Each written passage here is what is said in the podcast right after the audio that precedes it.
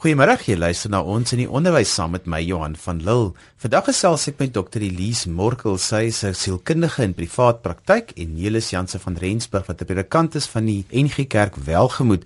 En ons praat oor geslagsgelykheid. Baie welkom, is lekker om julle by ons in die onderwys te hê. Dankie Johan. Middag Johan. Elise, mens hoor baie keer die term geslagsgelykheid, maar daar's baie mense wat nie regtig weet wat dit beteken nie. Johan, dit beteken bloot dat beide geslagte die toegang het tot dieselfde geleenthede en dat beide geslagte op dieselfde manier met dieselfde waardigheid, met dieselfde respek behandel word. Nee, dit klink so logies in 2015 wat Elise nou sê, maar dit is nie altyd die praktyk nie. O nee, Johan, in, in ons land veral het ons geweldige uitdagings rondom die hele kwessie van geslagsgelykheid. Jy sal weet dat uh, as 'n ouma op daai hoek inkom in die gesprek en die misbruik van vroue in Suid-Afrika is omvangryk. Uh, minister Dlamini, die minister van gemeenskapsontwikkeling het uh, vir Lydia gesê dat tot 71% van vroue in Suid-Afrika seksueel misbruik word. So die die feit is dat uh, ons sit in 'n land waar in daar geweldige omvangryke misbruik is en miskenning is van die gelykheid van mense in Suid-Afrika. Elise ons program se naam is ons in die onderwys. So het onderwysers 'n rol te speel in geslagsgelykheid voordat ons nou verder dit bespreek. Ek dink beslis so Johannes ons dink dat kinders so 'n lang tyd van hulle lewe en baie ure in die skool deurbring, het die skool 'n geweldige vormende invloed op kinders se identiteit, hoe hulle hulle self beleef en hoe hulle teenoor ander mense optree. Jy sien Johan, die, die probleem is dat ons dikwels wanneer ons kennis neem van geslagsongelykheid, dat ons dikwels die ehm um, die blame iewers plaas en dit dikwels buite onsself plaas. Plaas by die owerhede of die polisie of of uh, by gesagsinstansies terwyl dit dikwels um, by onsself lê. Die wyse waarop ons oor vroue en mans dink, die aannames waarmee ons werk, die stereotypes. So daarom het onderwys so 'n geweldige funksie om mense te leer um, om op 'n beter manier te dink. Want die die ou manier lewer vrugte waarvan ek sopas um, melding gemaak het. Elise mas ons begin dink oor geslagsgelykheid is een van die eerste aspekte wat dadelik in mense kop opkom dit gaan oor mag en magsverhoudings. Dis reg Johan ja. Ehm um, Nelis verwys na geweld teen vroue en baie van die geweld is seksuele geweld. Ons dink baie keer dit het met seksualiteit te doen of dis aksies van seksuele vergrype, maar eintlik gaan dit oor die misbruik van mag. Magsverhoudings is dus hoe mense met mekaar is in verhoudings wanneer hulle of respekvol teenoor mekaar is of die een moet die knie buig voor die ander op so 'n manier dat mense min keuses het as hulle voel dat hulle aangetast word of as hulle iemand lelik met hulle is mag hulle nie eintlik opstaan vir hulle self nie. Daar's niemand na wie toe hulle kan gaan nie want die hele stelsel is so opgestel dat jy stemloos is of dat jy magteloos is. En ek dink skole bevorder baie keer daai gevoel van ek word geboelie of daar word lelik met my gepraat of daar is self seksuele teistering, daar word op maniere van my gepraat wat vir my baie ongemaklik maak. Maar as ek iets sê daaroor, dan gaan daar konsekwensies wees wat net 10 maal erger is. So dis 'n hele sistemiese probleem vir mense waarna hulle baie keer vasgevang word. Die onderwys is 'n is 'n ideale voertuig om 'n ander boodskap te modelleer. Maar ongelukkig is dit so dat dikwels in die onderwys juis die ding van mag en gesag oorbenut word. Sodat dit wat die kind modelleer is as jy 'n probleem het in verhoudings, gebruik mag. As jy 'n probleem het om sosiaal oor die weg te kom, gebruik mag. Kom ek noem vir jou voorbeeld.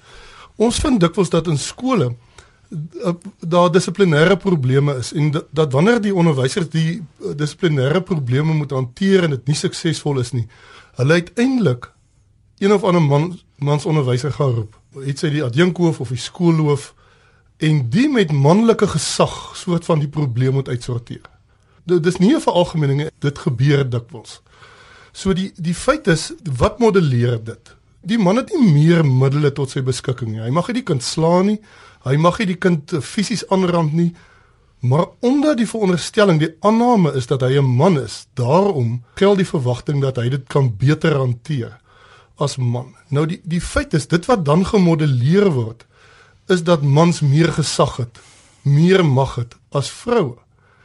En onbewustelik word hierdie uh, persepsie versterk dat daar by 'n man mag is en by 'n vrou is daar minder mag. Net as 'n as 'n voorbeeld. Nou Dis my bekommernis dat onderwys in sy geheel dikwels werk met autoritaire strukture. Nou autoritaire strukture bevorder nie die vaardighede wat nodig is om verhoudings goed te laat werk nie. So wat sien kinders in die skool? Hulle sien verhoudings word bestuur met magsmiddels. Nou as jy modelleer daarop, gaan jy terug na jou huisgesin toe, gaan jy terug na jou verhouding toe met jou vriendin of met jou vriend en jy los die probleme op met magsmiddels, manipulasie, dwang, druk wat jy uitoefen terwyl die enkelike vaardighede vaardighede is van luister, um goed, goed luister en hoor. Niels het 'n woord gebruik soos magsmiddels. Wat bedoel jy daarmee? Wel, magsmiddels is dwang, né? Nee, is om dwang te gebruik, om manipulasie. Ek ek manipuleer jou tot jy is waar ek is. Ek dwing jou tot waar ek is, tot jy is waar ek wil hê jy moet wees die alternatief daarvoor moet 'n mens miskien na kyk en dan verstaan jy dalk beter wat wat bedoel ons met magsmiddels. Die alternatief is om te sê praat met my. Laat ek na jou luister. Kom sit. Kom ons skep geleenthede vir luister. Kom ons skep in die skoolstelsel geleenthede waar leerders kan sê hoe hulle dink oor goed en waar daar dialoog is en jy leer die vaardighede van dialoog aan sodat um, die oplossings wat gevind word vir verhoudingsprobleme, vir dissiplinêre probleme, daarin lê dat ons mekaar vind uh, langs die paaie van van goed luister en dialoog. Niels ons het nou 'n bietjie gepraat oor mag en magsverhoudings, maar ek wil ook in dieselfde asem sê wat is die verskil tussen mag en magsverhoudings en gesag en gesagsverhoudings? Een van die goed wat ons baie van die onderwysers af terug kry is dat kinders nie meer gesag wil aanvaar. Daar's 'n groot verskil tussen gesag en mag. Uit hoofde van jou posisie het jy is jy geplaas in 'n gesagsverhouding. So 'n ouer gesagsverhouding in verhouding tot sy of haar kind. En 'n onderwyser 'n gesagsposisie met betrekking tot die kind. Die vraag is of die of die beste manier om daai gesagsposisie te gebruik mag is. Die gebruik van magsmiddels waarna ek reeds verwys het. So um, gesag hoef nie noodwendig te vertaal in die gebruik van mag nie. En dis juist ons probleem in die samelewing. Dat mense neem posisies in en dan dwing hulle hulle posisies af by wyse van die gebruik van mag. En dit lei tot ongekende verstoring van die beginsel van van gelykheid. Maar wat het dit nou met geslagsgelykheid of geregtigheid te doen, Jelis? Ek dink dit het baie daarmee te doen in die sin dat uh, mans byvoorbeeld dink hulle moet om een of ander rede en ek dink dit kom deur ons geskiedenis, die historiese werklikheid dat mans dink hulle het 'n gesagsposisie. Ek dink nie so nie. Ek dink is twee gelyke vennote partye 'n in 'n in 'n verhouding. Maar dat hierdie hierdie stereotipe soort van daartoe lei dat mans gesag vertaal dit in mag gebruik om hulle self af te dwing binne binne hulle verhouding. Ek stel baie belang Johan in hoe hierdie praktyke van magsmisbruik en magsverhoudings geïnternaliseer word deur mense en deel word van hulle identiteit sodat vroue byvoorbeeld dan sal dink dat hulle nie 'n stem het nie, nie behoort te hê nie, Dis wat ek net maar bedoel het ook met die konsekwensies, dan raak jy nou ook ehm um, geetiketeer miskien as die kwaai ene of jy moet oppas vir daai meisie of sy sal nooit 'n man kry nie want kyk hoe kwaai is sy met almal. So ehm um, ons internaliseer baie keer hierdie geslagsrolle en hoe ons eintlik behoort op te tree wat vroue dan baie keer ontmagtig. Want jy neig nou na stereotiperings wat ek dink 'n groot probleem is. Ja, dit presies net so.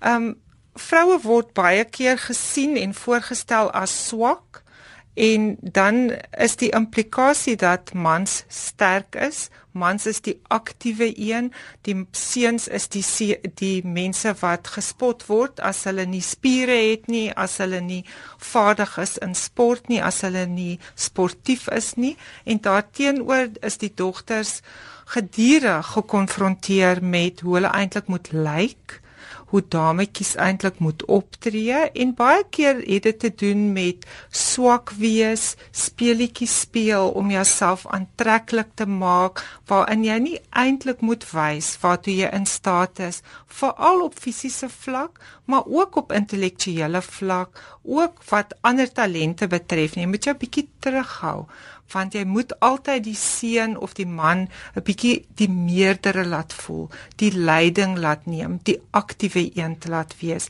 En die groot stereotipering in ons samelewing het dan te doen met die rolle wat mans moet vertolk meer in die publiek, na buite, die broodwinner en die hoof die besluitnemer, die een wat die planne moet maak en meisies is veronderstel om meer by die huis te wees, na binne gerig, meer in die private sfeer. Vroue moet daar baie mooi hulle dingetjies agter mekaar kry en baie vaardig wees, maar hulle moenie te sterk stem hê in die openbaar en te goed presteer binne hulle werk nie, want dan gooi ons daai balans uit wat die stereotipe graag wil skep en in stand hou. En net om weer luisteraars te sê, dit wat jy alles nou opgenoem het, bedoel jy eintlik ironies? Ja, dit ek bedoel dit is die stereotipe, dit is die stereotipe wat geskep word. Jy luister na ons in die onderwys. Ek is Johan van Lille. Ons praat vandag oor geslagsgelykheid en my gaste is Elise Morkel en Nelis Janse van Rensburg. Elise, jy het nou net voordat ons gebreek het, het jy ges, nog 'n hele lysie van goed genoem wat stereotypes is en ek dink ek is bang baie van die luisteraars dink dit is die norm waarna 'n mens moet wees en dat 'n mens dalk hierdie stereotypes moet onderskryf, maar dit is eintlik na die ander kant. Toe kom ons gee vir onderwysers 'n bietjie wenke om hierdie stereotypes te te werk in die klaskamer. Ja, ek ek dink sommer aan die jong kinders en sprokies en stories wat vir kinders vertel word druk en uh, bevestig baie van hierdie stereotypes. Die prinses wat hulpeloos is en gered moet word deur die prins op die wit perd ehm um, die held wat die aktiewe manlike persoon is. Ek dink aan hoe mense ook werk met byvoorbeeld prente en illustrasies in boeke wat 'n mans altyd in sekere beroepe skets terwyl vroue in ander beroepe gesien word die meer um nurturing beroepe soos onderwys en verpleegkunde en maatskaplike werk. Um en dat dit belangrik is dis as ons illustrasies gebruik binne in die klas en voorbeelde dat ons die wye verskeidenheid van beroepe en rolle of beide mans en vrouens insluit. Nelis, wat kan skole doen om geslagsgelykheid te bevorder. Ek dink byvoorbeeld aan die taal wat gebruik word. O ja, nee, uh, Johan, die taal wat in skole gebruik word is uh, is absoluut eh, 'n uh, aanduiding van wat die oriëntasie is met betrekking tot geslagsgelykheid. Kom ek gee vir jou 'n voorbeeld. Ek hoor in 'n seunskool geselskap dat daar vir die seuns gesê word 'n mens gebruik nie lelike taal, vuil taal voor vroue nie. Nou die aanname wat daar agter lê is blykbaar en dit is my moeilik om dit om dit regtig te dekonstrueer dat vroue dit nie kan hanteer nie dat ons mans mag goed sê wat vroue nie kan sê nie. Wat lê in daai taal? Myns insiens behoort oude nie daai taal te gebruik in enige ordentlike geselskap in geen geselskap nie. Maar die die aanname wat daarmee versterk word is dat vroue uitgesluit is van bepaalde goed of te swak is vir bepaalde goed dis dikwels subtiel en laat ons vir mekaar dit sê, dis dikwels onbedoel. Die bedoeling is om hoflik te wees. Dit klink vreeslik goed. Maar die aanname wat versterk word, die uitkoms van so 'n opmerking is dat daar 'n oortuiging groei wat sê wie vroue is nie so sterk nie, ou moet hulle beskerm. Hulle is nie in staat om hulle self te beskerm dalk nie. Ek ek weet nie eers wat alle aannames is nie. Elise, maar ek het in 'n huis groot geword waar ons grootgemaak is 'n mense het respek vir vrouens basta. So wat Nelis nou sê sal my pa in sy graf laat omdraai want hy sal sê as 'n vrou in die vertrek kom kom staan jy op. As 'n ja. vrou opstaan van die tafel want dit gaan oor respek. Hoe ja, gelykwaardig. Hoekom meer respek hê vir vroue asof hulle meer broos, meer swak, meer hulpeloos en meer afhanklik van respek is as mans. Dit dit is dit sou die beswaar wees. Die probleem is Johan dat um, wanneer jy met 'n uh, met ongelykheid as ja. beginsel werk, nê, nee, speel dit reg deur uiteindelik in jou gedrag in. As jy nou vir vir kinders die, die dit leer dat daar sekere mense wat meer respek verdien as ander. Moet jy nou nie verbaas wees as daai kinders later 'n omgekeerde som maak wat sê maar ek is in 'n magsposisie. Ja. En daai een is in 'n in 'n mindere posisie nie. En ons hele probleem in Suid-Afrika is is dat ons werk met meer mag en minder mag by mense.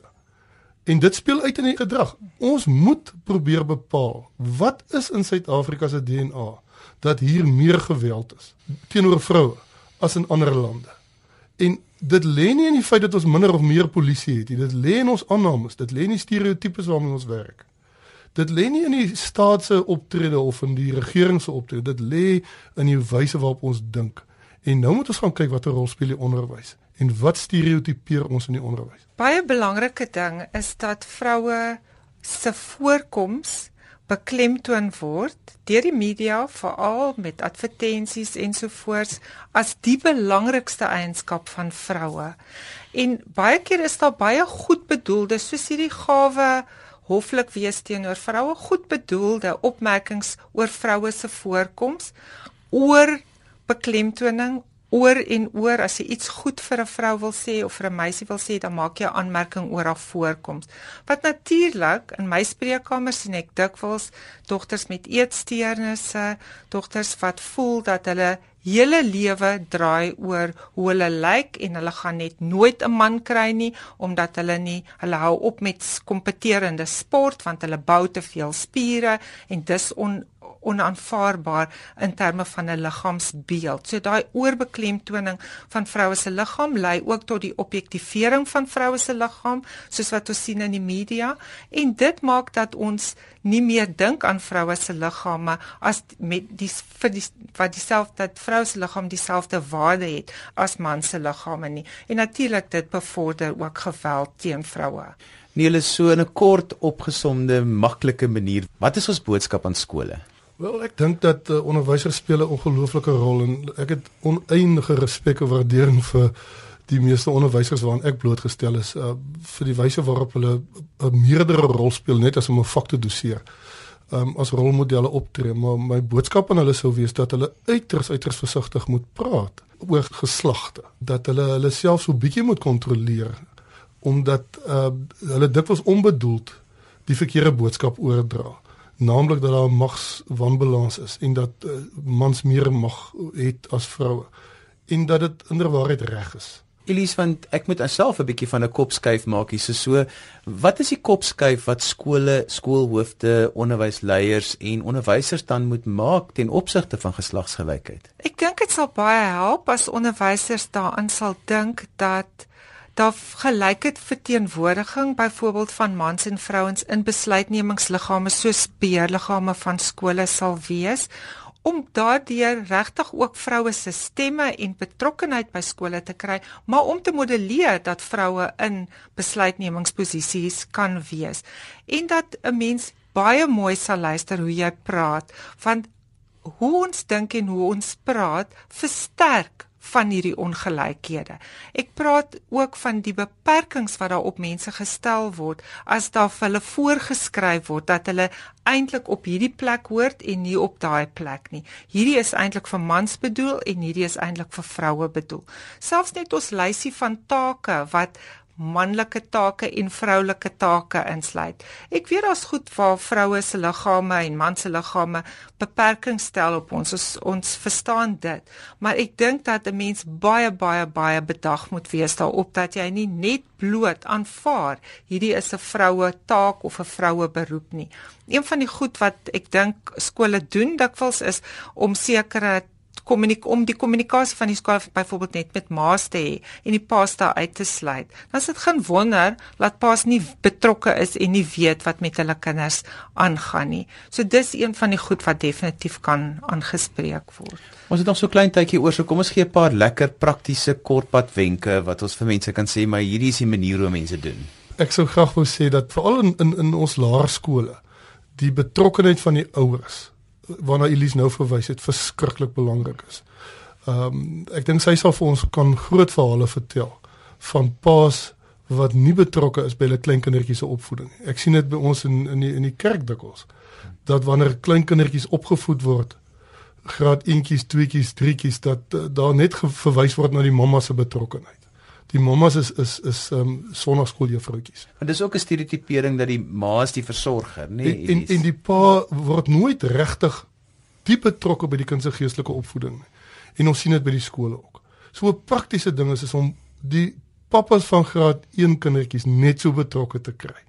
Um net so te laat deel in al daai praktiese goed waarmee die die kind moet huis toe gaan. Wat Nele sê dit het 'n regtige effek op mans ook 'n nadelige effek. Dit ontneem hulle van die voorreg om betrokke by hulle kinders te wees. Um, nog praktiese wenke is om baie goed te dink oor die die aanmoediging van dogters om te presteer akademies. Ek dink dogters word baie aangemoedig om akademies te presteer, maar as daar teenstrydige boodskap is van eintlik moet jy goed presteer op skool, maar dan moet jy tog maar oppas dat jy nou nie 'n loopbaan kies wat dit vir jou moeilik maak om ook soort van voltyds en eksklusief betrokke te wees by die versorging van jou kinders nie. Ten mens regtig vir seuns en dogters van kleins af leer albei kan betrokke daarbey wees.